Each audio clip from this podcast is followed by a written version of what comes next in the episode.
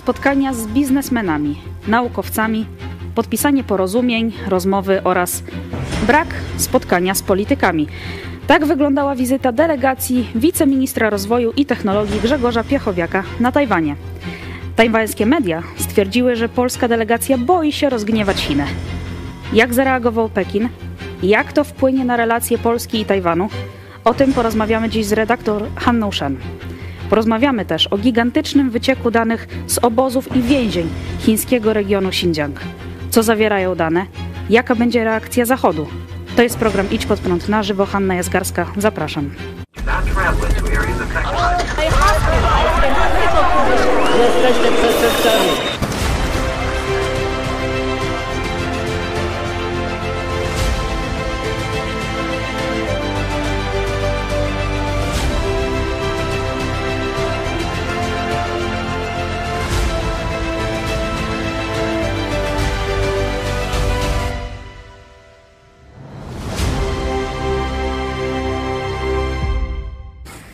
Witajcie w programie Idź pod prąd na żywo. Dzisiaj jest środa, 25 maja.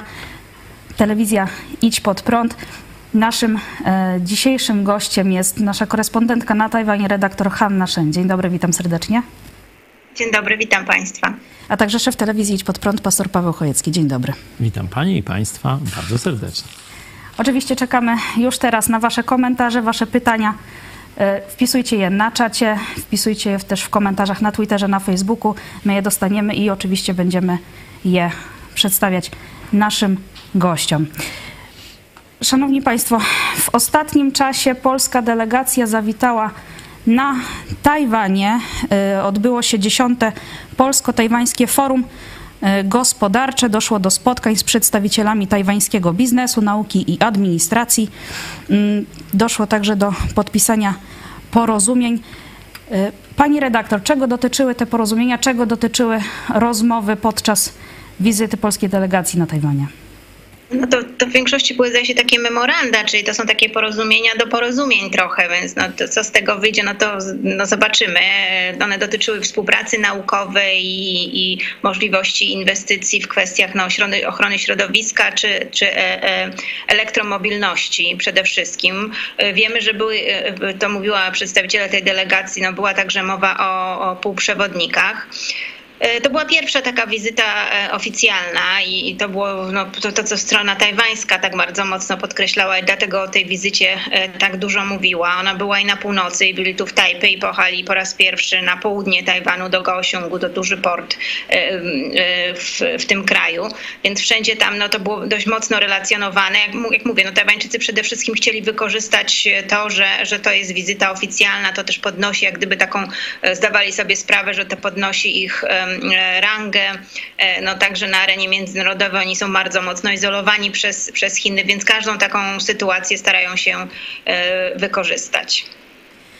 Jak czytamy na e, polskiej stronie rządowej, Emil Chang, dyrektor e, Departamentu Usług Inwestycyjnych przy Tajwańskim Ministerstwie Gospodarki, mm, powiedział: Polska od dawna jest strategicznym punktem dla tajwańskich inwestorów w Europie. Obecnie 31 tajwańskich, e, 31 tajwańskich producentów inwestuje już w Polsce, a wartość tajwańskich inwestycji w tym kraju wyniosła 223 miliony e, dolarów. Czy e, widzimy tutaj jakieś zacieśnienie relacji, jakiś rozwój tych stosunków polsko-tajwańskich w tym zakresie?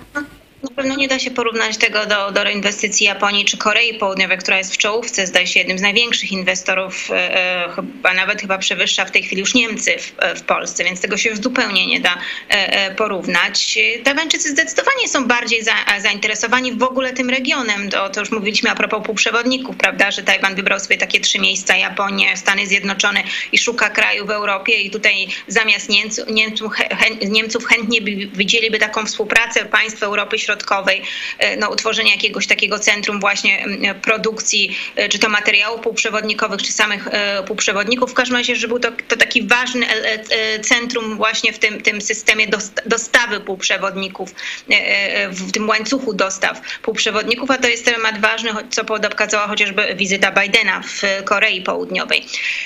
No, no więc nie widzimy tak na razie takiej no, deklaracji ze strony Tajwanu, także Polska mogłaby być. Przypominam, że kilka miesięcy temu była wizyta delegacji tajwańskiej gospodarczej, nie odwiedziła Polski, a jak był minister spraw zagranicznych, no to nikt nie wiedział w Polsce, no to nikt nie wiedział, a te wizyty się akurat tak mniej więcej składały, to nikt nie wiedział, a strona polska bała się mówić. No i niestety w trakcie tej wizyty znów mieliśmy taki pokaz, pokaz tchórzostwa.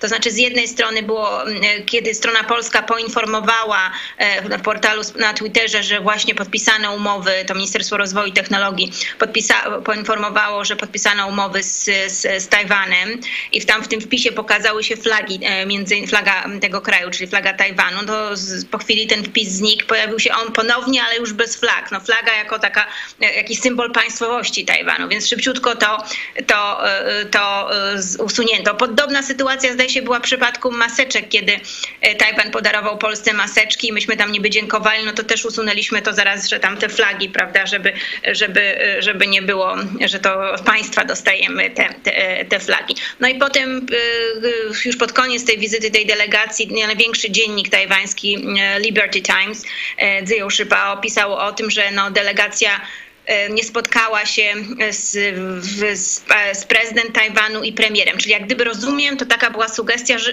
że ze strony tajwańskiej była taka możliwość, była taka sugestia i ona, że została odrzucona. No i sam w, gazecie napisano, że po prostu Polska nie chciała przekroczyć tak zwanej czerwonej linii i nie, nie chciała rozgniewać Chin. Znaczy ja to odbieram, uważam, że to był duży błąd, dlatego że wiele delegacji, mamy Czechy, Litwę, Szwecja, Francja, przyjeżdżają, spotykają się z najważniejszymi politykami Tajwanu. Nie jest to już jakimś wielkim problemem. A jeżeli chce się zabiegać, jeżeli się mówi, a strona delegacja to mówi, że no chciałaby mieć inwestycje związane, z półprzewodnikami, no to z tymi politykami tajwańskimi trzeba się spotykać, dlatego że to nie są inwestycje, które gdzieś tam po cichu można załatwić jakimś tam biznesmenem w jego biurze. Widzimy, że wszędzie tam, gdzie o półprzewodnikach się mówi, to spotkają się przywódcy. No, Biden rozmawiał z prezydentem Korei o tym, mimo odwiedzili Samsunga, ale w tej firmie rozmawiali dwaj prezydenci, także te rozmowy są konieczne. Według mnie ta wizyta, no, no jak mówię, no, na, na jakieś parę umów tam pewnie zostanie spełnionych, współpraca naukowa jakaś będzie, bo ona jest i była. I jacyś tam inwestorzy, bo zawsze są ludzie, którzy no, coś produkują, na czym widzą, że w Polsce można zarobić, ale albo z Polską współpracując można zarobić, ale w kwestiach przyszłościowych to ta wizyta, no brak tego spotkania według mnie może się odbić na, na tym właśnie, że Polska nie znajdzie się jako ten element tajwańskich inwestycji w Europie, jeżeli chodzi o półprzewodniki. No bo czescy politycy Litwy, politycy Litwy nie mają problemu spotykania się z tajwańskimi politykami. Także będzie, mamy duże, duże hura, haha, wielkie jak to, co my chcemy robić i przez własne tchórzostwo tych inwestycji nie będzie. Pastor Paweł Chojecki, jak odczytywać tę wizytę? No to jest dla nas ogromna dziejowa szansa, bo tak jak wczoraj w programie popołudniowym, dogrywkowym mówiliśmy o tej tajnej notatce wywiadu z lat 90., gdzie Niemcy rezerwują dla Polski rolę takiego zaplecza surowcowego, siły roboczej, taniej siły roboczej plus ekspansji dla niemieckich firm, a Polska ma się nie rozwijać. Stróżem tego mają być politycy sprzedajni Niemcom i Kościół katolicki, biskupi katolicki konkretnie. Ta notka o tym jasno informuje, jaki jest niemiecki plan i patrząc na historię ostatnich 30 lat widzimy, że ten plan został zrealizowany, to to, co oferuje Tajwan, jedna z największych, jeśli chodzi o poziom technologiczny gospodarek świata. To nie tam, że to tam jest jakieś tam bogate państwo, jak tam Arabia Saudyjska, no i co ona może nam ropę może dać i tyle, nie? To jest państwo wszechstronnie rozwinięte technologicznie i ze społeczeństwem obywatelskim, o czym pani Hania Szen często opowiada, na wzór amerykański, czyli bardzo nam bliskie kulturowo, powiedzmy, jeśli chodzi o tradycję pierwszej Rzeczpospolitej, wolności i tak dalej, nie? Do tego to państwo jest nielubiane przez Niemcy. No to zobaczcie. Państwo górujące technologicznie, ale szukające teraz przyczółka i też wsparcia politycznego, my mamy to do zaoferowania, oferuje nam najwyższe technologie światowe. Nie? I my nie trąbimy, że tak powiem, tu jakiegoś wielkiego sukcesu. My się chowamy. My gdzieś y, przyjeżdża minister spraw zagranicznych, my w ogóle o tym nie informujemy. Znaczy mówię, my to informujemy właśnie. Jedyna telewizja w Polsce o tym mówi. Ale mówię o mediach rządowych, głównego nurtu i tak dalej. Tam cicho sza. Także no dobrze, że jakiś kroczek został zrobiony, że ta, ta delegacja pojechała, tam zdaje się jakiś pierwszy lot, coś tam, tam, tam, różne fajne rzeczy, ale najważniejszych rzeczy, czyli spotkanie z najwyższymi politykami Tajwanu, niestety nie nastąpiło i nie nastąpiła medialna, rządowa oprawa tego, e, tego wydarzenia w Polsce, żeby to odtrąbić jako wielki sukces. Nasz partner, rozwijamy to i jeszcze jedno słowo tu ostrzeżenia, a na pewno nie można dopuścić do konfliktu między Litwą lub Czechami e, właśnie w wyścigu o te sprawy związane z tajwańską te e, technologią. Trzeba to zrobić razem. Musimy tak to przygotować, to jest zadanie dla polskich, oczywiście czeskich i litewskich polityków, jak rozdzielić te funkcje, żebyśmy mogli wzbogacić całe Trójmorze żeby to jeszcze bardziej zbliżyło państwa naszego e, regionu, właśnie uniezależniając nas od Niemiec i jej takiej kolonizacyjnej polityki wobec Polski, Czech, zresztą Litwy Słowacji, wszystko tak samo, że to ma być tylko y, taki ekspansja gospodarki niemieckiej, nie mamy być tu żadnym podmiotem. Także szkoda, że ta rysująca się szansa jest tak zaprzepaszczana. Powód, myślę, że agentura rosyjska w Polsce jest słabsza niż agentura chińska bo na kierunku rosyjskim rząd zachowuje się poprawnie, nawet bardzo dobrze. I prezydent, i rząd. Na kierunku chińskim, na kierunku Tajwanu fatalnie. Tak, i działają bardzo pojawia się jakiś wpis na, na Twitterze, jest szybka reakcja. Ktoś od razu to widzi i ściąga. To, to jest niesamowite, jak ta, jak ta agentura bardzo dobrze działa.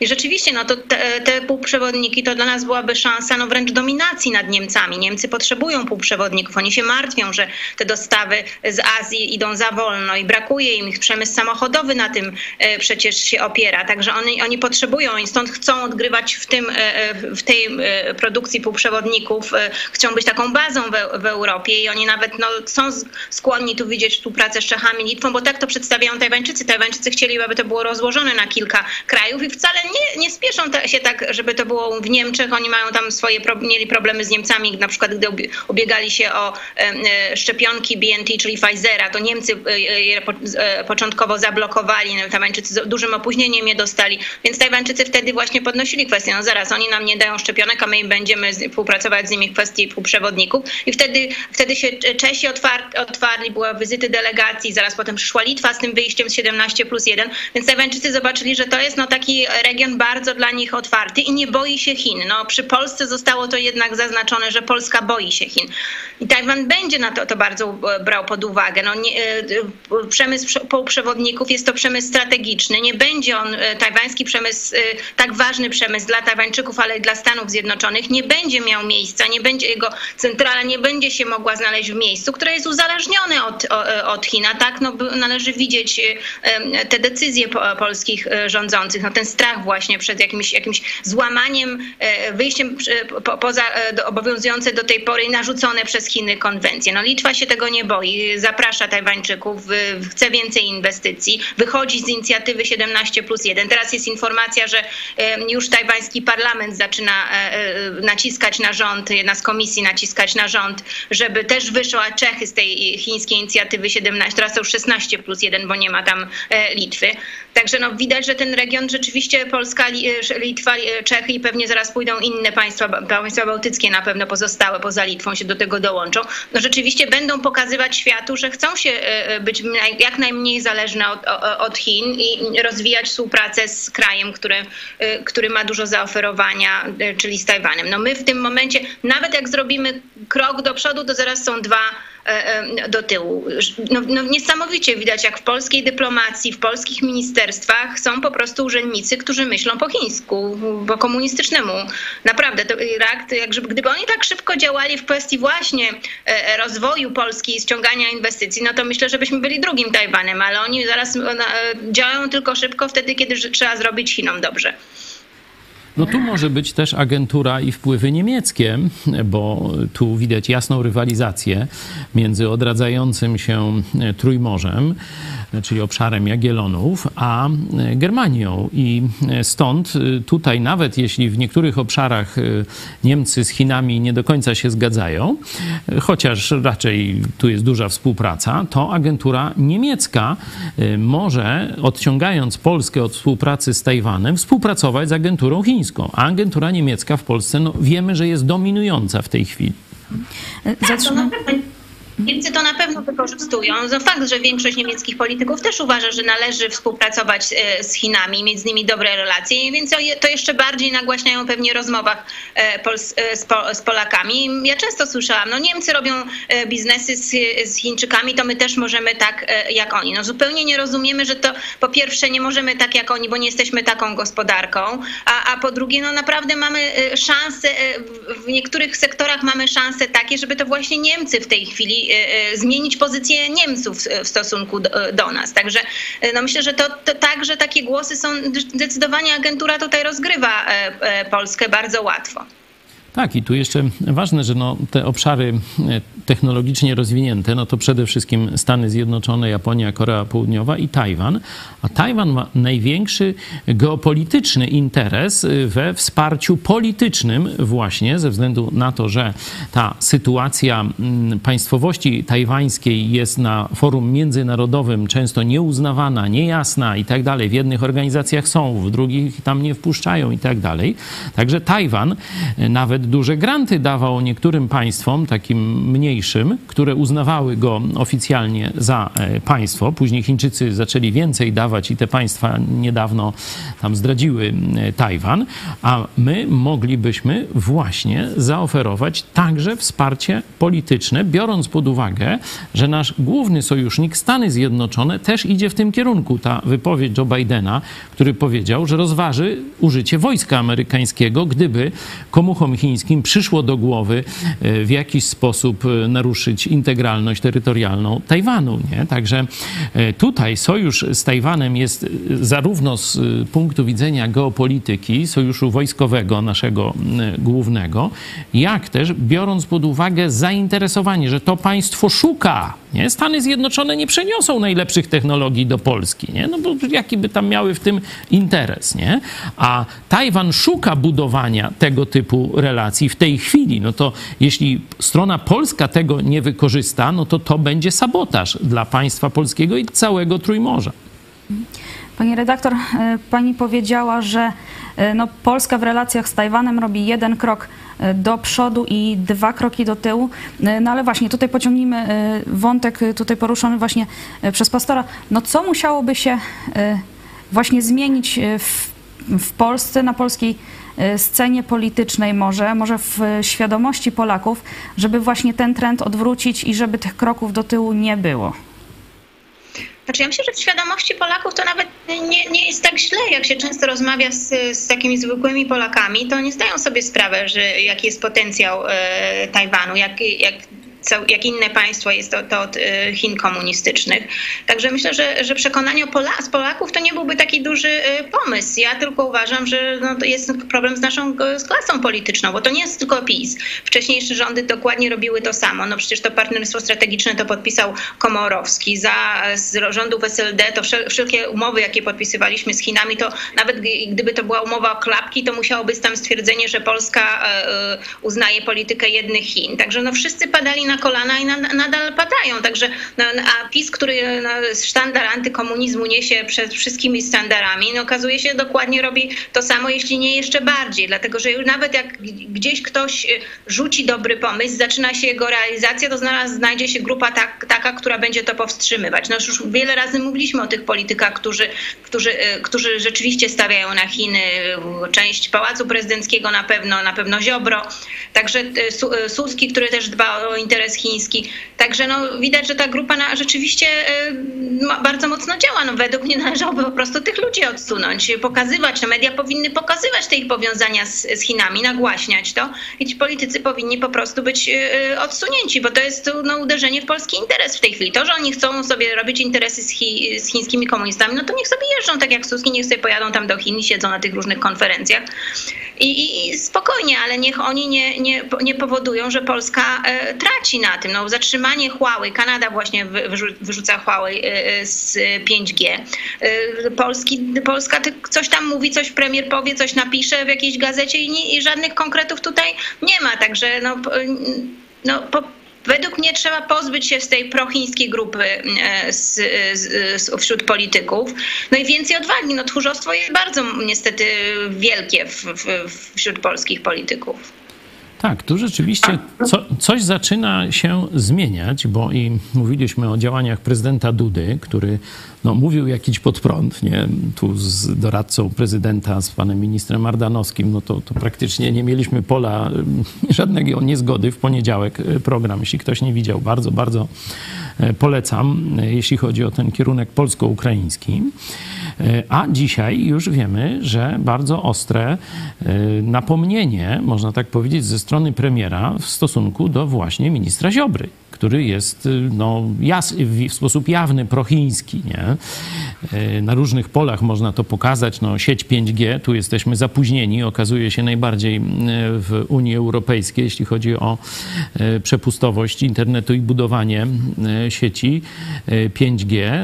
To między innymi jest zasługa Ziobry i Solidarnej Polski. I tu w niedawnym wywiadzie, chyba dzisiaj opublikowanym, Morawiecki mówi, że no, tu chciałby tak napomnieć Solidarną Polskę, żeby nie kontynuowała działań podpalających czy niszczących możliwości rozwoju Polski, bo Polska jest w strasznej sytuacji ekonomicznej. To jest wina PiSu, to jest wina socjalistów z PiSu, to trzeba jasno powiedzieć, bo nie przygotowali Polaków, nie przygotowali budżetu na te tragiczne wydarzenia, zajmowali się rozdawnictwem, a nie budowaniem silnej gospodarki czy sił obronnych Polski w odpowiedni sposób. Przykładowo Polska praktycznie nie ma schronów. Gdyby jakieś realne niebezpieczeństwo nalotu dzisiaj było, to Polacy nie mają się gdzie schować. Nie? Bo tylko 3% ludności ma zabezpieczenie w postaci schronów, a większość z nich nie działa bo nie ma wentylacji sprawnej i wszystkich innych instalacji. Jeżeli to są gdzieś z czasów stalinowskich jakieś katakumby gdzieś w poprzedniej naszej siedzibie, no to mieliśmy taki schron tam w to centrum Lublina, ulica Chopina i tam było 50 metrów kwadratowych schronu. No i tam praktycznie tyle tylko, że woda bieżąca była, wszystkie inne instalacje, to, to, to w ogóle nikt tego nawet nie sprawdzał. Nikt nie wie, czy to działa. No to podejrzewam, że to był jeden z lepszych schronów. Jest jeden z lepszych schronów w Polsce. Także Absolutnie tutaj nie ma jakiegoś no, właściwego kierunku, stąd ta sytuacja monetarna, ekonomiczna, inflacja jest tak tragiczna i o tym mówi premier Morawiecki. I mówi, jeśli nie dostaniemy pieniędzy z Unii Europejskiej teraz, to nam się rozwali cała gospodarka. I wojna jak gdyby rozsadzi nas bez jednego wystrzału, rozsadzi Polskę, a Ziobro, że tak powiem, jest tutaj jednym z głównych rozgrywających, żeby tych pieniędzy nie dostać. Czy tutaj Morawiecki napomina Ziobro? No, wiemy tutaj, że no właśnie w, w, no na tej polskiej scenie politycznej w tym zakresie też sporo się dzieje, prawda, frakcja prochińska, antychińska. Czy możemy liczyć na jakiś przełom w jakimś najbliższym czasie? No tutaj właśnie jest dość taka słaba, czy może pani redaktor coś więcej o tym wie, rola Jarosława Kaczyńskiego. Tak jakby on no, troszeczkę schodził ze sceny, no widzi, że tu mu się gryzą Ziobro z Morawieckim, nie? I tak albo mu to jest na rękę, nie? To mówiłem, że są podstawy, żeby tak myśleć, żeby przyjąć taką teorię. No albo już nie umie nic zrobić i tak po prostu to trwa, tak ropieje ten konflikt. Wydaje mi się, że ten wywiad oznacza, że Morawiecki przechodzi do jakiejś ofensywy i chce skończyć te obstrukcje ze strony Ziobry. Nie wiem, co pani redaktor o tym sądzi. Też mi się wydaje, że Morawiecki no, widzi, że to na, idzie już na duży, no, musiał pójść na bardzo długie, duże ustępstwa wobec Ziobry, nawet w stosunku no, do tego, jak są różnego rodzaju ministerstwa obsadzane. W związku z tym no, zaczyna troszkę gryźć. No, ja mam nadzieję, że zdobędzie się na, na większą odwagę i rzeczywiście tutaj uderzy w stół i zacznie organizować rządy no, tak, jakby, jakby był naprawdę premierem. Między innymi no, z sprawa Ministerstwa Zagra Spraw Zagranicznych jest tutaj, no wiemy, że on chciał zmiany ministra i to nie, nie doszło do, do, do skutku, więc no mam nadzieję większej odwagi, panie, panie premierze i, i proszę wziąć więcej spraw w swoje ręce, a nie pozwalać tutaj grać Ziobrze czy, czy Jarosławowi Kaczyńskiemu. No, Kaczyński myśli o wyborach, więc boi się odejścia Ziobry, więc no będzie go, to, stąd będzie tak próbował, żeby to jakoś utrzymać i ta, ta, taki, no, to, że będą się gryźli, no to, to jest okej, okay, oby tylko nie, nie zagryźli się, tak uważam, że jest jego, e, jego e, e, stanowisko, a wydaje mi się, że po prostu Polakom, no trzeba uwierzyć w tę mądrość Polaków, pokazać im plan budowy przyszłości Polski w oparciu o, o, o sojusze z partnerami, które mają podobne wartości do nas, a nie stawianie na to, jak to stawia obóz Ziobry, no, na kraj, który jest państwem zbrodniczym, państwem zakłamanym, państwem, który, który dąży do tego, żeby skolonizować inne kraje. No, także no, miejmy nadzieję, że ten, to, ten, ten wywiad to, to jest taki początek, no, słaby na razie, bo i za późno i trochę słabo, no ale no, warto by ten obóz, który widzi zagrożenia ze strony Chin, a on jest w PiSie, żeby się bardziej odważył. Szczególnie, że e, pozycja Ziobry na samodzielnym, w samodzielnym starcie jest żadna.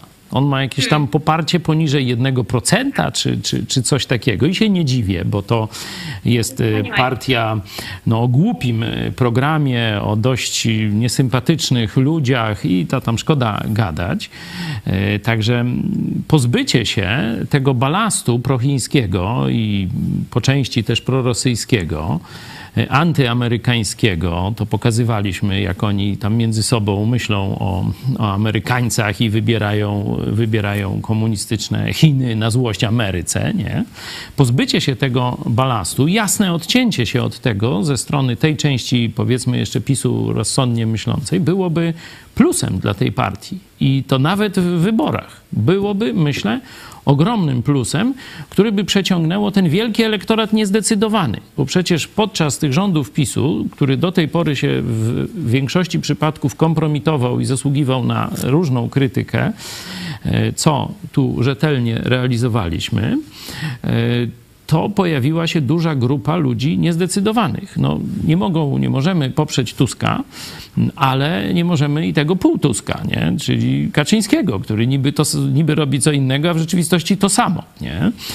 I różne brzydkie rzeczy, i to już y, mówiliśmy wielokrotnie. Także y, pójście w kierunku wolnościowym, zachodnim, antyrosyjskim, to już się dzieje, antykomunistycznym, antychińskim przede wszystkim, wprost, protajwańskim, projapońskim, pro-Korea Południowa, no oczywiście Stany Zjednoczone dałyby tej, czy tej samej formacji, bo tam nazwa to już tam nie jest ważna, ale no tej części PiSu dałyby ogromne poparcie społeczne. Platforma wtedy nie miałaby czego szukać, nie? No bo część zdecydowana część niezdecydowanych by poparła tak odnowiony y, PiS, no a spora część tych, którzy jeszcze gdzieś mają nadzieję jakieś z Platformą, czy Hołownią, czy czymś innym, no też by wróciła. I ten plan niemiecki, zobaczcie, bo tu by trzeba też jasno pokazać, że to jest plan budowy Trójmorza, suwerenno, prawdziwej wreszcie suwerenności Polski. Za tym by Polacy poszli, bo to oznacza też więcej w naszych portfelach. To, to jest oczywiste, oczywiste. Nie trzeba dawać jakichś tych no, łapówek w postaci 500 plusów. Wystarczy zawrzeć poważne sojusze gospodarcze z Tajwanem i już mamy potąd, jeśli chodzi o pieniądze. Zwłaszcza, że też moment jest dobry. Wojna e, w Ukrainie no, pokazała, że no, opieranie, ten drugi obóz, obóz opozycji, no, opiera się na, mówi o takiej pro, e, proeuropejskości, prawda? No, to jest głównie pro, e, proniemieckość. Więc no, wojna pokazała, że no, ta proniemieckość i opieranie się na takich sojuszów na Francji, Niem, Niemczech, no, to, by, to jest no, jak pisanie, no, no to jest nietrwałe po prostu. To, to, ta wojna, gdyby, gdyby nie Stany Zjednoczone, ta wojna skończyłaby się bardzo szybko i niestety zwycięstwem Rosji. Ta wojna pokazała, że konieczna jest obecność Stanów Zjednoczonych w Europie Europie, konieczne jest zawieranie trwałego sojuszu ze Stanami Zjednoczonymi. Więc ta oferta właśnie, no pokazania, że my chcemy odgrywać w tym sojuszu, zacieśniać ten sojusz, być bardzo, odgrywać bardzo mocną rolę w tych soju, w, w wszystkich innych sojuszach, które teraz Stany, Stany Zjednoczone zawierają. No to jest, myślę, że Polacy to teraz bardzo dobrze rozumieją, jak bardzo dobre, jak bardzo ważna jest ta, ta współpraca z Amerykanami i, i, i sojusznikami Stanów Zjednoczonych, a, a, nie tylko i wyłącznie mówienie o tym, że mamy być Europejczykami i stawiamy na, na Europę, no bo sta, samo stawianie na Europę no, mogło się bardzo źle zakończyć w, w przypadku Ukrainy. No tu można postawić drugi, drugi, że tak powiem, drugą tezę, że nie ten procencik czy pół procenta, które ma Ziobro, e, jeśli chodzi o poparcie nikłe i teraz topniejące, bo kojarzone jest tą opcją Konfederacji, Narodowców, rosyjską i tak dalej, bo to zawsze umizgi między Ziobrą a tą, e, tą częścią, e, powiedzmy, no, niepolskiej sceny politycznej, tak powiem przewrotnie. One całkowicie rozsądnych ludzi zniechęciły do towarzystwa e, Ziobry. Także może nie chodzić o ten pół procent. Może chodzić o teczki, które ma Ziobro. Bo on siedząc, y, wiecie, jako szef prokuratury, to wszystkie smrody pisowskie zna, wszystkie aferki ich zna. On i wie o działkach Morawieckiego dużo, nie? Y, on wie o Sasinie dużo i o 70 milionach i tak dalej. Być może trzyma ich za pewną część ciała, absolutnie nie tym swoim dziadowskim poparciem społecznym, którego nie ma tylko hakami na e, drugą część strony politycznej. Czyli zobaczcie, znowu mamy, e, że tak powiem, rząd teczek i haków, a nie interes Polski i narodu polskiego. Pani redaktor, e, komentarze i pytania od naszych widzów. Jeden z widzów ma pytanie do pani redaktor. Jak ocenia pani e, zakończony wczoraj szczyt kład w Tokio i jak przyjęto na Tajwanie deklarację e, Joe Bidena o militarnych gwarancjach bezpieczeństwa w razie ataku Chińskiej Republiki Ludowej? No, oczywiście na Tajwanie przyjęto to bardzo dobrze. E, to, to, to, co próbuje się, to Chińczycy próbuje, ich agentura teraz próbuje. Nie wiem, czy mnie słychać? Tak, bardzo dobrze. bardzo dobrze. Przepraszam, bo widzę, że obraz się zaciął. No, próbuję przedstawić jako gafę. Jeden z japońskich y, polityków powiedział, że to doskonała gafa i ona tylko mobilizuje Tajwańczyków, do, samą Japonię do tego, żeby wzmacniać y, swoją obronę i, i, y, i interesy służące tam, także obrony Tajwanu. Także no, ta wypowiedź została bardzo dobrze przyjęta. Dobrze, że doszło do takiego spotkania. To spotkanie właściwie odbyło się w bardzo ważnym momencie, dlatego że mamy dwóch nowych przywódców w regionie. Mamy nowego prezydenta e, Korei Południowej i mamy nowego premiera Australii, który właściwie na drugi dzień e, e, swojego, drugi dzień swojego urzędowania pojawił się na tym szczycie. To jest polityk no, z tej partii liberalnej, właściwie bardziej kojarzonej z Chinami. Kampania wyborcza zresztą w Australii przebiegała tak, że konserwatyści przedstawiali wybór obecnego pre, premiera, wygrana tej partii, no, jako wygrane Xi Jinpinga. Tu jednak on się pojawił na tym, na tym na tym e, szczycie i deklaruje no, dalszą współpracę. Także e, nie, nie, nie jest to koniecznie wygrana Chin. Bidenowi tu bardzo dobrze się czasowo to udało rozegrać. No, fakt, że Chińczycy przeprowadzili wspólne ćwiczenia z Rosjanami w tym momencie, kiedy ten szczyt miał miejsce, no to pokazuje, że to te, ten szczyt no, jest rzeczywiście taką czymś, co bardzo denerwuje, co nie podoba się Pekinowi i chciałby go bardzo e, e, rozbić. Także sam szczyt bardzo dobrze, miejsce, Japonia, e, czas bardzo dobry, właśnie taki czas przemian, a jednocześnie no taki no też trochę niepewności, zwłaszcza jeżeli chodzi o Australię, znaczy Australię w tym sensie, że bycia na tym spotkaniu przy, przywódców, no troszeczkę mm, E, rozczarowanie, jeżeli chodzi o e, Indie, które nie chciały się bardzo mocno zadeklarować, jeżeli chodzi o e, Rosję. Stąd to, to, to oświadczenie wspólne no nie miało, właściwie nie było wspomniane, było wspomniane o sytuacji na Ukrainie, no ale nie było, wspomnie, nie było potępienia, nie było potępienia Rosji. Dopiero później premier Japonii wystąpił, powiedział, no, że wszystkie kraje, które brały udział w spotkaniu, no potępiają jakiekolwiek naruszenia granic czy suwerenności Także no widać, że Indie tutaj są jeszcze za bardzo związane z Rosją. Wiemy, że Amerykanie mają plan, żeby tę, tę wesprzeć wojsk militarnie Indie, tak żeby się pozbyć tej, tej zależności od Rosjan, no ale na to będziemy musieli poczekać. Dla Tajwańczyków oczywiście to, co powiedział Biden było no, bardzo dobrze to zostało przywitane. Troszeczkę nie podobało się, tak, znaczy byli też tym trochę tak zaskoczeni, bo odbyło się też ogłoszenie, został ogłoszony taki mechanizm, nowy mechanizm współpracy ekonomicznej IPEF, czyli takiej struktury gospodarczej Indo, Indo-Pacyfiku, w którym jest no, kil, kilkanaście krajów, no, Stany Zjednoczone oczywiście, Japonia, Korea Południowa, Australia, Indie, Indonezja, Singapur, Tajlandia, Wietnam, więc ten, ten region. Tajwan myślał, że będzie wśród państw członkowskich, no niestety nie został zaproszony, więc z tego powodu jest rozczarowanie tutaj na, na wyspie.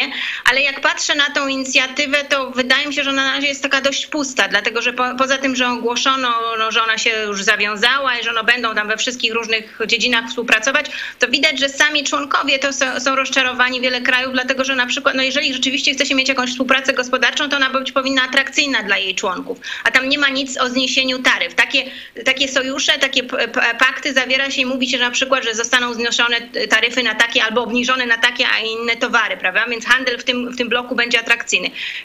Tego nie ma. Zresztą sama Japonia mówi, że no to zobaczymy jak to będzie. No oni przystąpili, ale oni przede wszystkim są zainteresowani tym, tym porozumieniem transpacyficznym, które jeszcze za Obamy powstało, z którego Trump wycofał Stany Zjednoczone. Japonia chciałaby, żeby Stany Zjednoczone wróciły, więc on, Japonia będzie pewnie bardziej pracować nad tym niż nad rozwijaniem tej nowej struktury Bidena. Więc no to, to, to, to, to, to, to przedstawiano tą, tą nową, ten nowy mechanizm jako jakiś ważny element tej wizyty Bidena w Azji, ale ja nie, nie, na razie nie widzę tutaj nic specjalnego. Rzeczywiście z tego, z tego spotkania, tej całej wizyty, spotkanie Quad było bardzo ważne sama wizyta w Korei Południowej, która no, skupiła się wokół półprzewodników, a więc no, też zobaczyliśmy spotkanie dwóch przywódców Korei Południowej i Stanów Zjednoczonych w fabryce Samsunga, mówienie o tym właśnie jak zabezpieczyć łańcuchy dostaw, jaką rolę Korea, Korea w tym może odgrywać. No więc widzimy, że o tym rozmawiają politycy, więc nasi politycy, którzy się boją spotkać z politykami i rozmawiać o, o półprzewodnikach, to znaczy, że no nie wiedzą co się, co, co się robi, jak się teraz rozmawia, jak świat postępuje i co jest, co jest ważne, albo nie chcą tego a, a to jak wie, wiemy na rękę zaczyna być, być Chinom. No także bardzo ciekawa wypowiedź Bidena że, że poprze ideę, popiera ideę Japonii włączenia jej do Rady Bezpieczeństwa ONZ jako członka stałego. No tam jako członek stały jest Rosja, więc tutaj pojawiły się informacje, że Amerykanie będą budować taką koalicję na rzecz wyrzucenia Rosji, co zresztą postuluje, zresztą w ogóle z całej Rady Bezpieczeństwa postuluje Ukraina. Ukraina tutaj mówi, że w miejsce Rosji mogłyby być albo Japonia, albo Niemcy, no więc miejmy nadzieję, że ta Japonia to będzie naprawdę bardzo dobry wybór. Panie redaktor, no, wiemy też z przekazów, że podczas wizyty Joe Bidena w Japonii no, doszło do nieciekawego incydentu, mianowicie obecności samolotów wojskowych Chin i Rosji w tamtym obszarze. Panie redaktor, co to oznacza tak właściwie? No, mamy wojnę w Ukrainie, prawda? Cały świat, niektórzy udają, że starają się pomagać, ale większość jednak pomaga Ukrainie. I to w tym momencie, no co robią Chiny? No dołączają się do ćwiczeń wojskowych, to co robi Rosja? No dołącza się do ćwiczeń wojskowych Chin. Chiny i Rosja ćwiczą wspólnie w momencie, kiedy no, są spotka jest spotkanie bardzo ważnego paktu bezpieczeństwa. Znaczy to jest kolejny dowód na, na silną współpracę Chin i Rosji po prostu. Także wszyscy ci, którzy mówią, że oni być może zmienią, że my nadal liczymy, że mogą odgrywać, jak to mówi przedstawiciel Pałacu Prezydenckiego, polskiego prezydenta, że on, Chiny mogą odegrać jakąś konstruktywną rolę, że Chiny no, tam nie spieszą się z jakimiś inwestycjami. To wszystko jest no, takie pic na wodę, dlatego że oni i na arenie międzynarodowej popierają Chiny, a jednocześnie no, przeprowadzają bardzo ważne ćwiczenia. Ćwiczenia w momencie, kiedy Biden jest w Azji, odbywają się ćwiczenia, loty bombowców nad Morzem Japońskim w stronę Morza Wschodniochińskiego. W tym czasie no, Korea Południowa musiał, Japonia musiała poderwać swoje samoloty. Korea Południowa twierdzi, że samoloty chińskie i rosyjskie weszły w jej przestrzeń powietrzną, także dość napięta sytuacja, ale no właśnie za nią odpowiadają wspólne, wspólne działania Rosji i Chin. Kolejny jasny dowód na to, jak bardzo związane z sobą są, są e, e, Rosja e, i Chiny. No i warto, aby to było zauważone w Polsce, no bo ci, którzy uczestniczyli w tym, tym spotkaniu, no odczuli to, zrozumieli to, prawda, że to jest mocny, mocny sojusz. No zobaczymy, czy to w Europie będzie tak odebrane. Rzeczywiście będzie takie no, podejście do Chin jako no, współpracownika, wspólnika właściwie w tej chwili Moskwy. No ciekawa, ciekawa wypowiedź. Była, zdaje się, też Bidena, że e, piloci chińscy dużo ryzykują, e, tak e, robiąc te szarże takie pozorowane na Tajwan, no bo może ktoś ich strącić, nie? Myślę, że to jest taka, taka zapowiedź nie jest, jakby to powiedzieć, to nie jest takie, takie mówienie tak przy kawce, nie? Tam sobie coś tego. To jest wyraźny sygnał, że jeśli dalej będzie następowała ta eskalacja straszenia tymi lotami, e, wdzieraniem się w przestrzeń powietrzną niepodległych państw, tak jak Japonia, Korea Południowa czy Tajwan, no to po prostu się zestrzeli jakiś ruski czy chiński badziew i tyle. Przypominam, że taką postawę nie tak dawno właśnie zademonstrowała Turcja. Erdogan zestrzelił ruskie badziewie i nic się nie stało. I nie było wojny z Rosją. Ruscy wzięli uszy po sobie i spieprzyli. I tyle było. Także po prostu Biden teraz do tego nawiązuje. No. Że jak się przestaniecie, nie przestaniecie się wygłupiać, to, to, to już tam, no.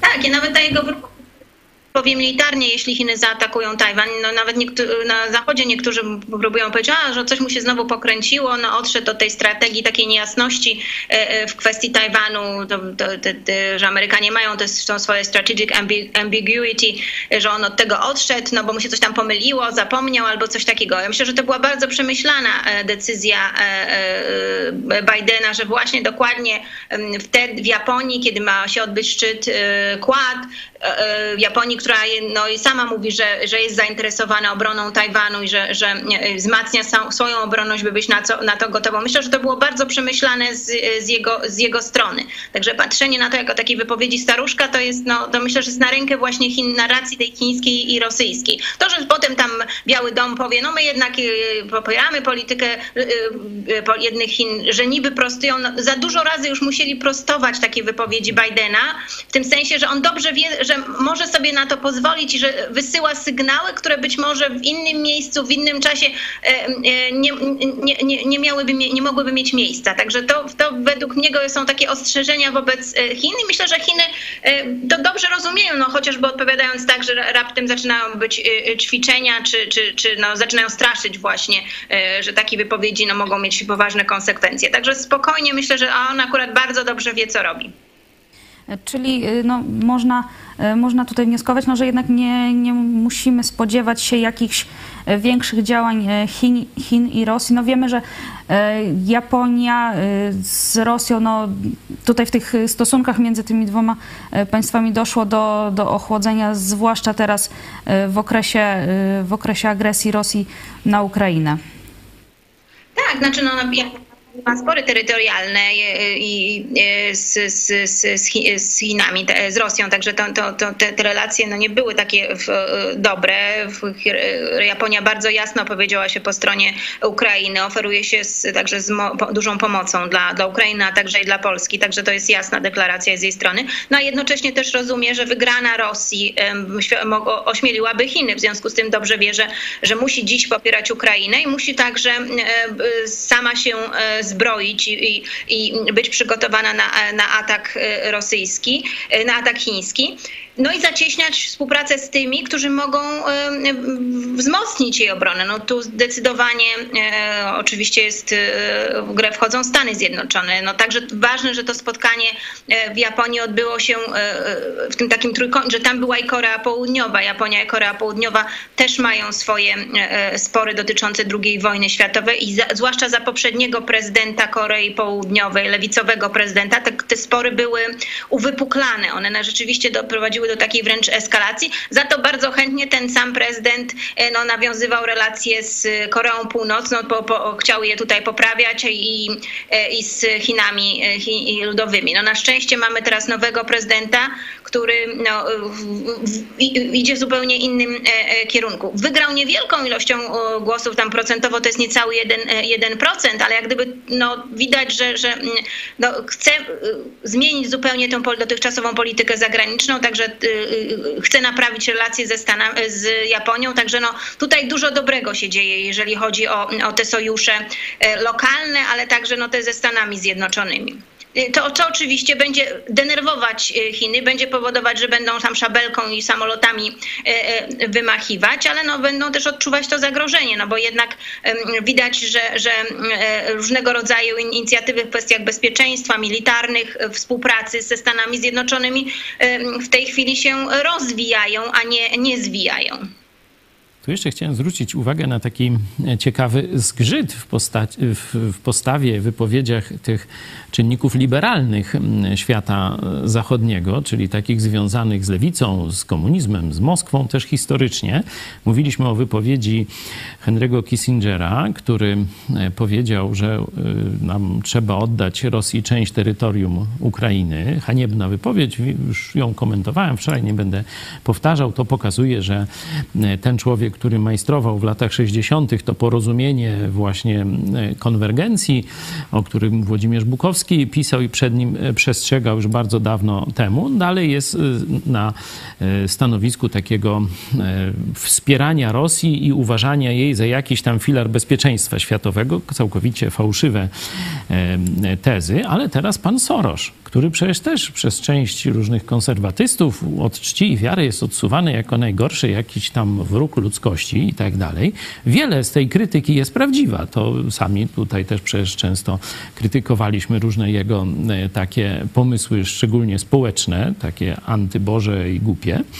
E, ale teraz bardzo ładnie zaczyna mówić właśnie o zagrożeniu świata przez sojusz chińsko-rosyjski. Zobaczcie, tu ta stara gwardia komsomolców, jak Kissinger, nie, mówi, e, Rosja, matuszka nasza, nie zadzierać, nie ruszać i tak dalej, a tu nowa lewica mówi, Rosja wróg i Chiny też, do spółki. Noż to się, co to się dzieje, to, to człowiek, jak to, to rozumieć ten świat normalnie? Soros już od mówił o tym, że Xi jest bardzo niebezpieczny. To o tym mówił bardzo długo i w związku z tym no, wielu niestety tak zwanych prawicowców, y, narodowców wtedy mówią, no skoro Soros mówi, że on jest niebezpieczny, no to znaczy, że Xi Jinping jest fajny. No niestety to jest takie właśnie no, bardzo proste myślenie e, i e, e, akurat tu Soros rzeczywiście miał rację, to pokazują chociażby teraz te raporty, które wyszły a propos obozów koncentracyjnych w Chinach, no ale to widzimy to także na arenie geopolitycznej, jak, jak niebezpieczny jest, jest Xi Jinping. Więc Soros miał tutaj rację już dużo, dużo wcześniej niż, niż niektórzy z tej lewicy z jego kręgu nawet uważali. Panie redaktor, no właśnie porozmawiajmy e, chwilę jeszcze o tym e, raporcie. E, wiemy, że do świata zachodniego przedostały się pliki z obozów, z więzień, z serwerów policyjnych w prowincji Xinjiang w Chinach komunistycznych. Właśnie co te pliki zawierają, jakie informacje i co to oznacza dla Zachodu? Tak, no wiemy, nie wiemy, kto ujawnił, wiemy, że mówi się o tym strona trzecia, trafiła ona do, do grupy naukowców, na ten cele tej grupy stoi taki niemiecki naukowiec pracujący w Stanach Zjednoczonych, antropolog, antropolog w, w, w, pracuje on w, w takiej fundacji e, ofiar e, e, komunizmu, także i bardzo jest zaangażowany właśnie w kwestie badania, jak badań na temat, jak wygląda ta polityka prześladowań w Chinach. Z nim współpracę podjęło 14 ilości mediów e, z różnych części świata, bo tam są i amerykańskie, i brytyjskie, i niemieckie, i francuskie, i z Izraela między innymi. Nie ma polskich, z 11, e, media są z 11 krajów. To są ten, ten całe e, dokumenty nazwane dokumentami policji z, z Hongkongu. No to, to są i rzeczywiście dokumenty jakichś komunistycznych władz i przemówienia ich, między innymi przemówienia Xi Jinpinga, jakieś dyrektywy i zdjęcia, także zdjęcia ofiar, które trafiły do obozów koncentracyjnych, w tym dzieci. Które, to wszystko nam pokazuje, jak, jak y, działa ta kampania prześladowań, a wręcz kampania dążąca do, do eksterminacji y, Ujgurów i Kazachów y, w Xinjiangu. Pokazuje nam to, że jest to kampania mm, nie jakaś tam, że to gdzieś tam jak, jakaś lokalne władze coś sobie mogą mieć jakieś przeciwko Ujgurom i, i, i prowadzić jakieś działania i że to jest kampania no, reedukacyjna, jakiejś szansy stawia, dawanej Ujgurom na lepszą edukację i w związku z tym lepszą pracę i lepszą przyszłość, ale że jest to kampania prowadzona z góry, kampania, o której bardzo dobrze wie Xi Jinping, a wręcz wydaje mm, e, dyrektywy i polecenia, jak ona ma, e, e, ma wyglądać. I, i, i że wręcz, wręcz Xi Jinping no, pojawia się tu jako osoba z taką obsesją wyniszczenia tej, tej, tej mniejszości. On widzi ją jako zagrożenie, oskarża ją o ekstremizm religijny, no ale jest to wręcz obsesja taka, no, której on sam mówi, że, że, że no, trzeba tutaj mocno postępować, że, że nie należy okazywać e, litości.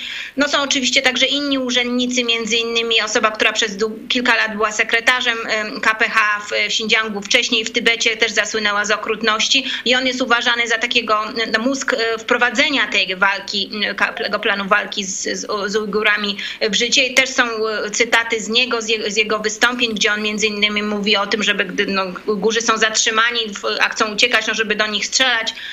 Także no, widzimy, na, jak przede wszystkim, myślę, że dlatego doku, te dokumenty są, bo mieliśmy już inne dokumenty, mieliśmy zeznania w, w, w, różnego rodzaju parlamentach, czy to brytyjskim, czy amerykańskim, gdzie e, e, osoby, które trafiły do tych więzień, nam o tym opowiadały. Ale tutaj jest to bardzo pokazane systematycznie na podstawie dokumentów e, chińskich komunistów, jak bardzo w to zaangażowana jest wierchuszka partii komunistycznej.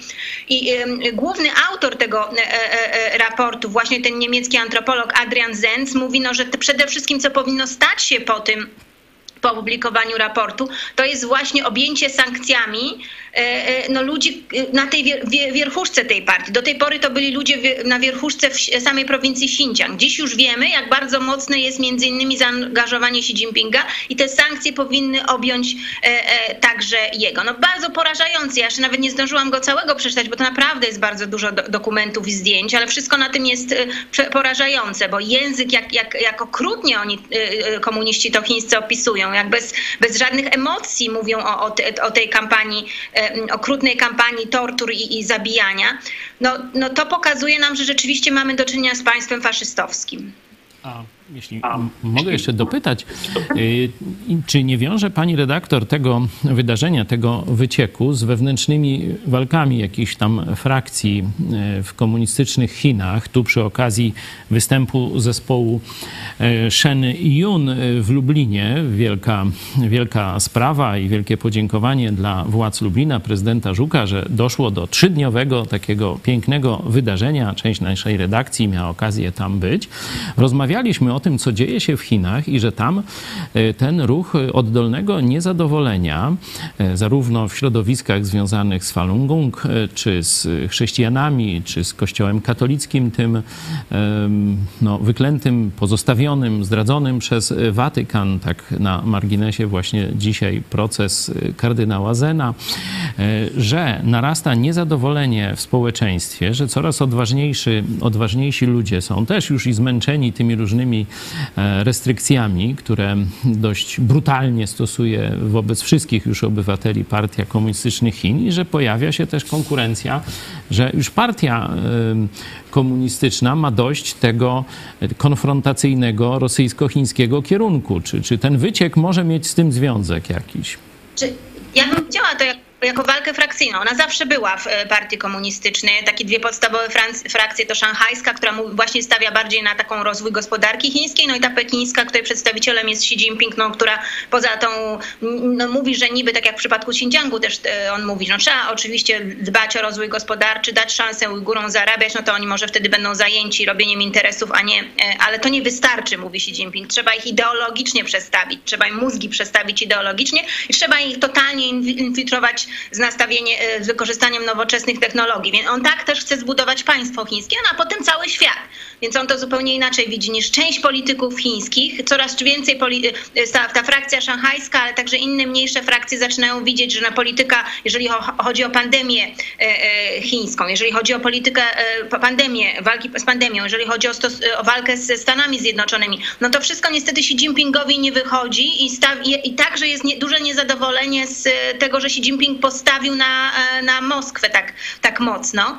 E, także to może powodować, że, mm, że rzeczywiście politycy z Niektórzy politycy zaczęły ujawniać pewne, pewne rzeczy, e, które no są, e, no w złym świetle stawiają e, Xi Jinpinga. No jeszcze przed końcem zeszłego roku mówiło się, że na tym zjeździe, który odbędzie się jesienią tego roku, no nie ma możliwości, żeby Xi Jinping nie został wybrany na trzecią kadencję. W tej chwili w Pekinie coraz częściej się mówi, że jest możliwość i że trzeba szukać takiej drogi, żeby Xi Jinping nie był wybrany. Więc to nie oznacza, że nie będzie wybrany, no bo on też sobie zdaje z tego sprawę i tę walkę odsuwa znowu ludzi, jest bardzo, walka się zaostrza i myślę, że im bardziej e, ku jesieni, tym będziemy słyszeć o kolejnych aresztowaniach, czy zniknięciach, czy jakichś aferach korupcyjnych, bo to zawsze ci, ci przeciwnicy mm, są, e, są uwikłani w jakieś afery korupcyjne, to będzie się na, na, nasilać, ale rzeczywiście pozycja Xi Jinpinga jest w tej chwili im bliżej e, zjazdu, jest coraz słabsza. I to, co jeszcze mówię, kilka miesięcy temu nie do pomyślenia, że żeby on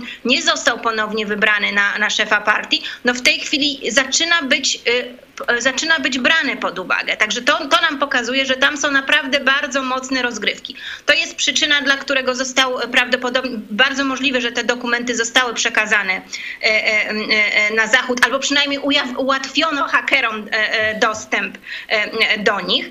A moment sam, że tu na Zachodzie ujawniono, wydaje mi się bardzo dobry, dlatego że akurat w Chinach przebywa komisarz ONZ do spraw praw człowieka i wydaje się, że ta wizyta będzie wielką jej klapą, no bo już ją E, już ją e, e, propagandowo rozgrywają Chiny. Tam co chwila wychodzą jakieś komunikaty, że spotkali się kolejni przedstawiciele partii chińskiej, między innymi Xi Jinping z nią. Xi Jinping co prawda online, mimo że ona jest w Chinach, no ale no i ona zawsze chwali właśnie postęp, jaki Chiny zrobiły w kwestii praw człowieka. Ona ma pojechać do Xinjiangu i wszyscy już zakładają, że to będzie tak, będzie odwiedzać wioski potiomkowskie oczywiście, no bo to wszystko jest przygotowane, więc to będzie prawdopodobnie klapa.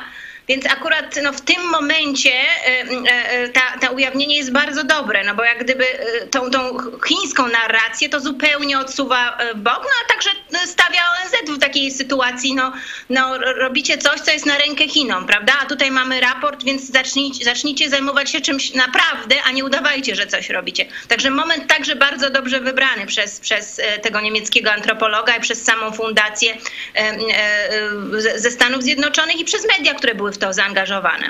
Tu jeszcze dodałbym praktycznie upokorzenie Chin na rynku międzynarodowym, że ta niby taka niepokonana gospodarka, która już chciała być pierwszą niebawem gospodarką świata, że tutaj rozwój i ta myśl Xi Jinpinga jako wielkiego stratega geopolityki i gospodarki okazała się fiaskiem, bo Stany Zjednoczone wyszły właśnie niedawno e, znowu na pozycję lidera w konkurencji z Chinami, jeśli chodzi o wzrost gospodarczy. To nie są wielkie liczby, to jest tam 2,8 jakoś procenta, ale już y, Stany Zjednoczone widać, że odzyskują wigor gospodarczy powoli. Oczywiście chcielibyśmy szybciej, a y, komunistyczne Chiny, jak to zwykle komuniści, pogrążają się w, można powiedzieć, coraz większą zapaść.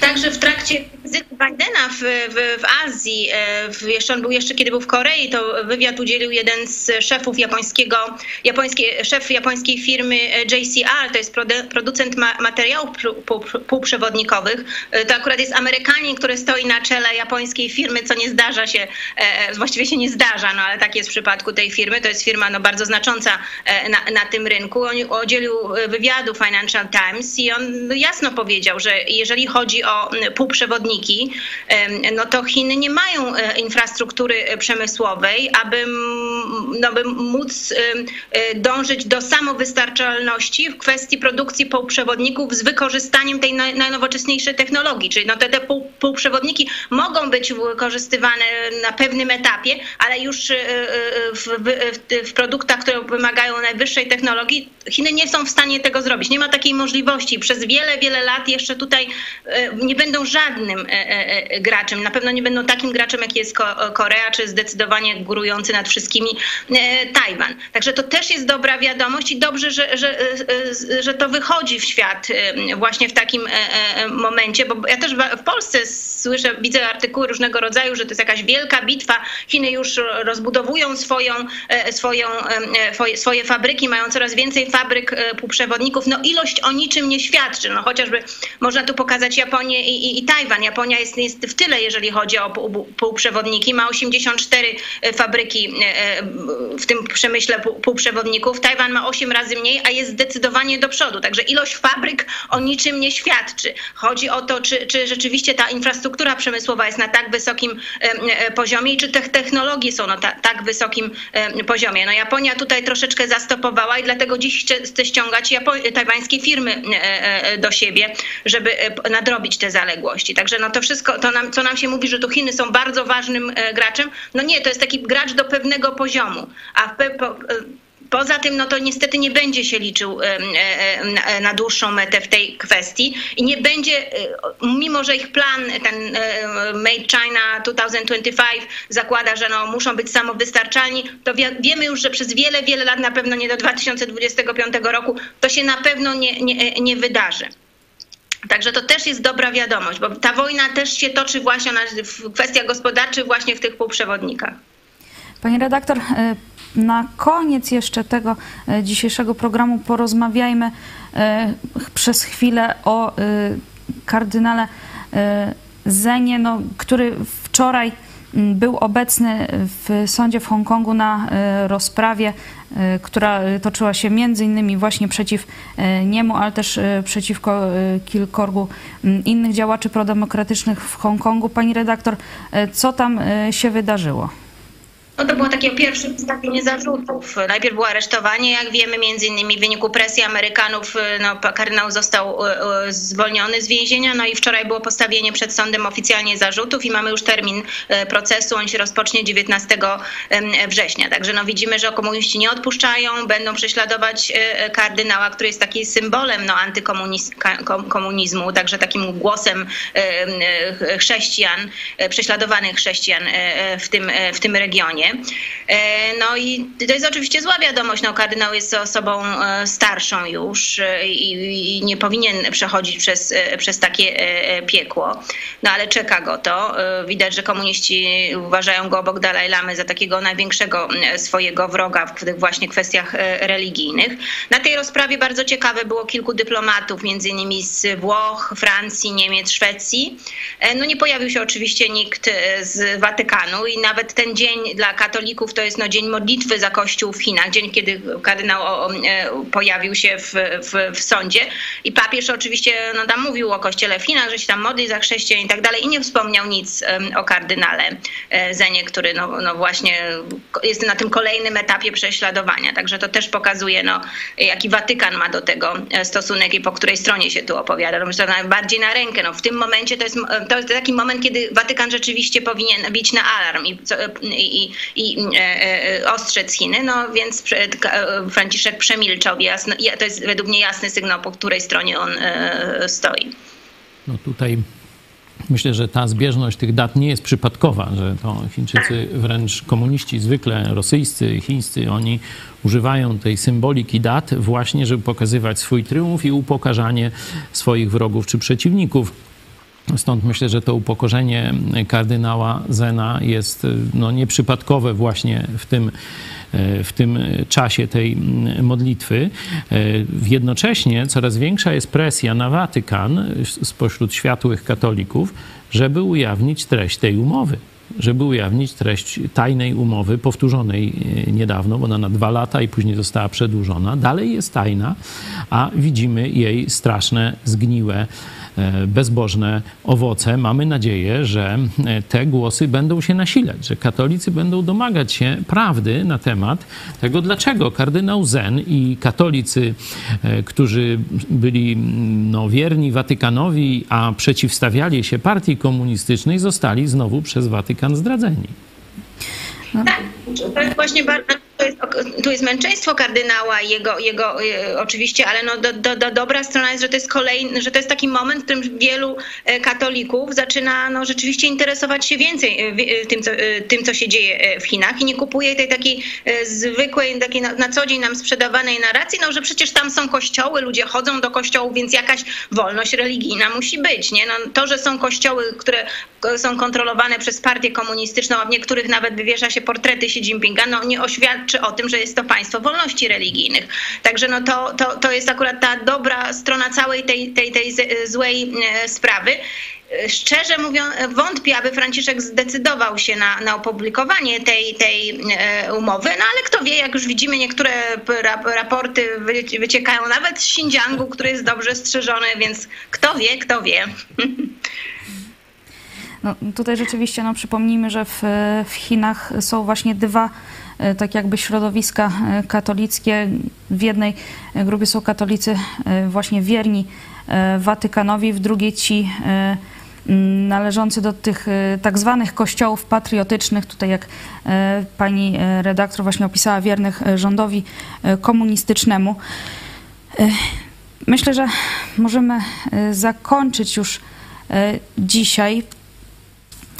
Oczywiście przypominamy, że zapraszamy Was też na program dzisiaj na godzinę 18. Mm, y, tutaj y, zaprezentujemy Wam świadectwo Magdy zatytułowane Wiadomość za oceanu. Mm, przypominamy także. Pozdrawiamy o... Polonię przy okazji, ale to nie jest spoilerowanie.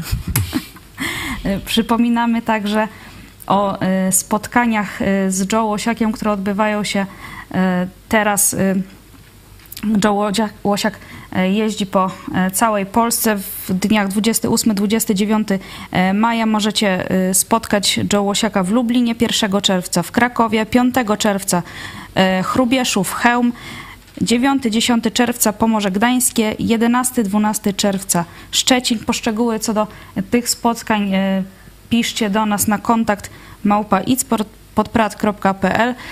Mamy też y, zaproszenie dla naszych widzów na spotkanie z Joe i Anną Łosiakami 9 y, czerwca w Gdańsku. Spotkanie odbędzie się w chrześcijańskiej szkole Montessori przy ulicy Jagiellońskiej 5A. Także zapraszamy bardzo serdecznie. Oczywiście przypominamy y, też o wsparciu dla naszej telewizji. Jeśli e, jeszcze w tym miesiącu e, nas nie wsparliście, a chcielibyście, jeśli podoba Wam się to, co tutaj robimy, to oczywiście zachęcamy Was do wsparcia. Jak co miesiąc naszym celem jest przekroczenie tej liczby tysiąca gitar, tak zwanych tysiąca wpłat od widzów, którzy są z nami, którzy nas wspierają. No bardzo, bardzo prosimy o wsparcie, tak, potwierdzam. Tak, zamawiam Państwa które e, poruszamy tutaj w telewizji Idź Pod Prąd, to jesteśmy pierwsi, a nie jeże, a często jedyni, którzy e, mówimy. Także warto, warto wspierać. Tak, szczególnie, że no inne telewizje e, i e, redakcje no korzystają, że tak powiem, garściami albo e, z reklam, albo z, no co jeszcze gorsze, z, bo reklamy, gdyby były na wolnym rynku, to fajnie, ale w rzeczywistości tam te podmioty, spółki Skarbu Państwa tak wiedzą, komu mają te reklamy zlecać. Do nas się nikt nie zgłosił, ale też i nie, nie szukamy. A druga rzecz, no to wyciągają pieniądze z budżetu, czyli z naszych podatków środków, a my mówimy dobrowolnie. Dajemy nasz produkt, pokazujemy wam e, telewizję o profesjonalnym i niezwykłym charakterze. Takich rzeczy nie usłyszycie nigdzie indziej. E, no i mówimy, chcecie mieć taką telewizję, chcecie, żeby się rozwijała? No to to może być 5 zł, może być 10, może być 500, to już ile kto tam może i na e, jak e, ocenia wartość naszej e, pracy, ale dla nas ważny jest ten tysiąc osób, nie? Stąd tak się upieramy i prosimy, żeby tysiąc osób, no bo to jest rzeczywiście no jakiś taki wynik robiący już wrażenie, że przez tyle lat tysiąc osób wspiera telewizję, która jest pod prąd wszystkiemu praktycznie, co do tej pory się utarło w Polsce wierzyć i mówić.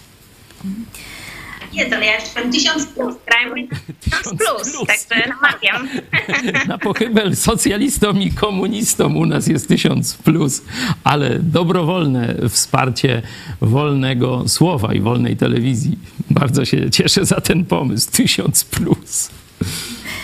Pani redaktor, dziękujemy serdecznie za dzisiejszy komentarz i e, do zobaczenia następnym razem. Też dziękuję i do zobaczenia, do usłyszenia. Dziękujemy bardzo. Była z nami oczywiście redaktor Hanna Szen i pastor Paweł Chojecki. Dziękuję bardzo. Ja również.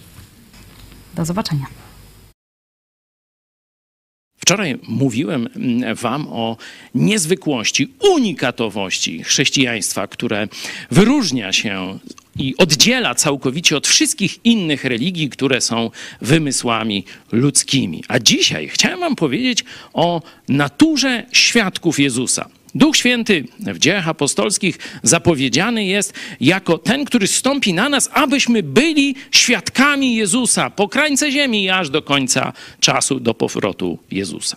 Czyli to bycie świadkiem Jezusa jest czymś najistotniejszym w praktyce życia chrześcijańskiego. I w Ewangelii Łukasza na samym początku um, Łukasz mówi, od kogo przejął te wszystkie informacje o Jezusie. Jak nam to przekazali naoczni od samego początku świadkowie, no to wiemy, świadkowie Jezusa, ale zobaczcie, zaraz jest drugie określenie. I słudzy słowa. Świadkowie Jezusa i słudzy słowa. Zastanawialiśmy się tu w grupie naszej redakcji, co to znaczy sługa słowa. No po pierwsze musi znać Biblię, nie może być ignorantem. Musi ją dokładnie przeczytać, przestudiować, zadać sobie sam wiele pytań, aby zrozumieć jej główne i mniejsze przesłania. Czyli zna słowo. Dalej, to jeszcze jest nie takie znowu trudne. Ale teraz, żeby był świadkiem słowa, musi to wprowadzić w życie, bo inaczej będzie faryzeuszem, obłudnikiem religijnym, który tylko mówi, a nie czyni. Czyli musi, musi je zastosować, żyć słowem. No i jeszcze jest jeden element. Nie chodzi tylko o moja chata z kraja, o mój rozwój osobisty czy przemianę mojego charakteru. Żeby być nazwanym sługą słowa, muszę znać słowo, żyć tym słowem i głosić to słowo tym, którzy jeszcze go nie znają. Zadaj sobie pytanie: czy spełniasz te trzy kryteria sługi słowa? Gdzie ci najwięcej brakuje? No, jeśli tak, bierz się do roboty. Ja też lecę.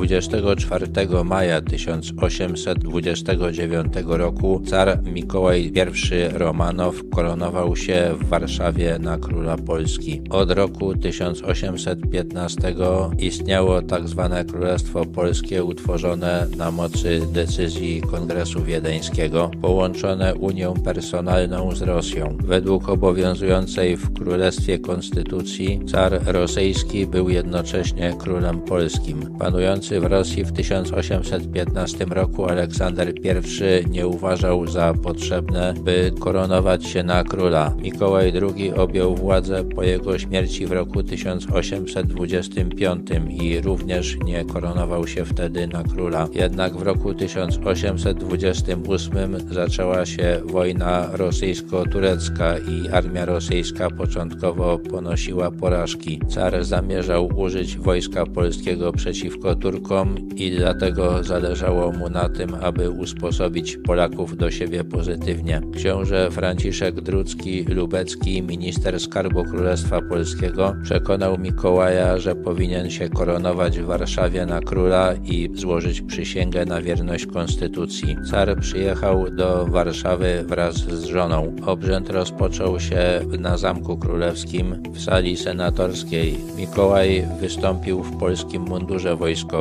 Z Zamku Królewskiego wraz z carycą Anną Iwanowną przeszedł do katedry świętego Jana. Oboje mieli na głowach carskie korony. Grała orkiestra wojskowa, a armaty dawały salwy honorowe. Ponieważ dowiedziano się o planowanym na cara zamachu, całą drogę obstawiono kordonem wojskowym i odsunięto widzów, co zrobiło bardzo złe wrażenie na zebranych. Katedrze w obecności prymasa Jana Pawła Woronicza car sam założył sobie na głowę koronę, a potem ukoronował carycę. Podobnie jak koronowani wcześniej w Warszawie Stanisław Leszczyński i Stanisław August Poniatowski został korony pozbawiony.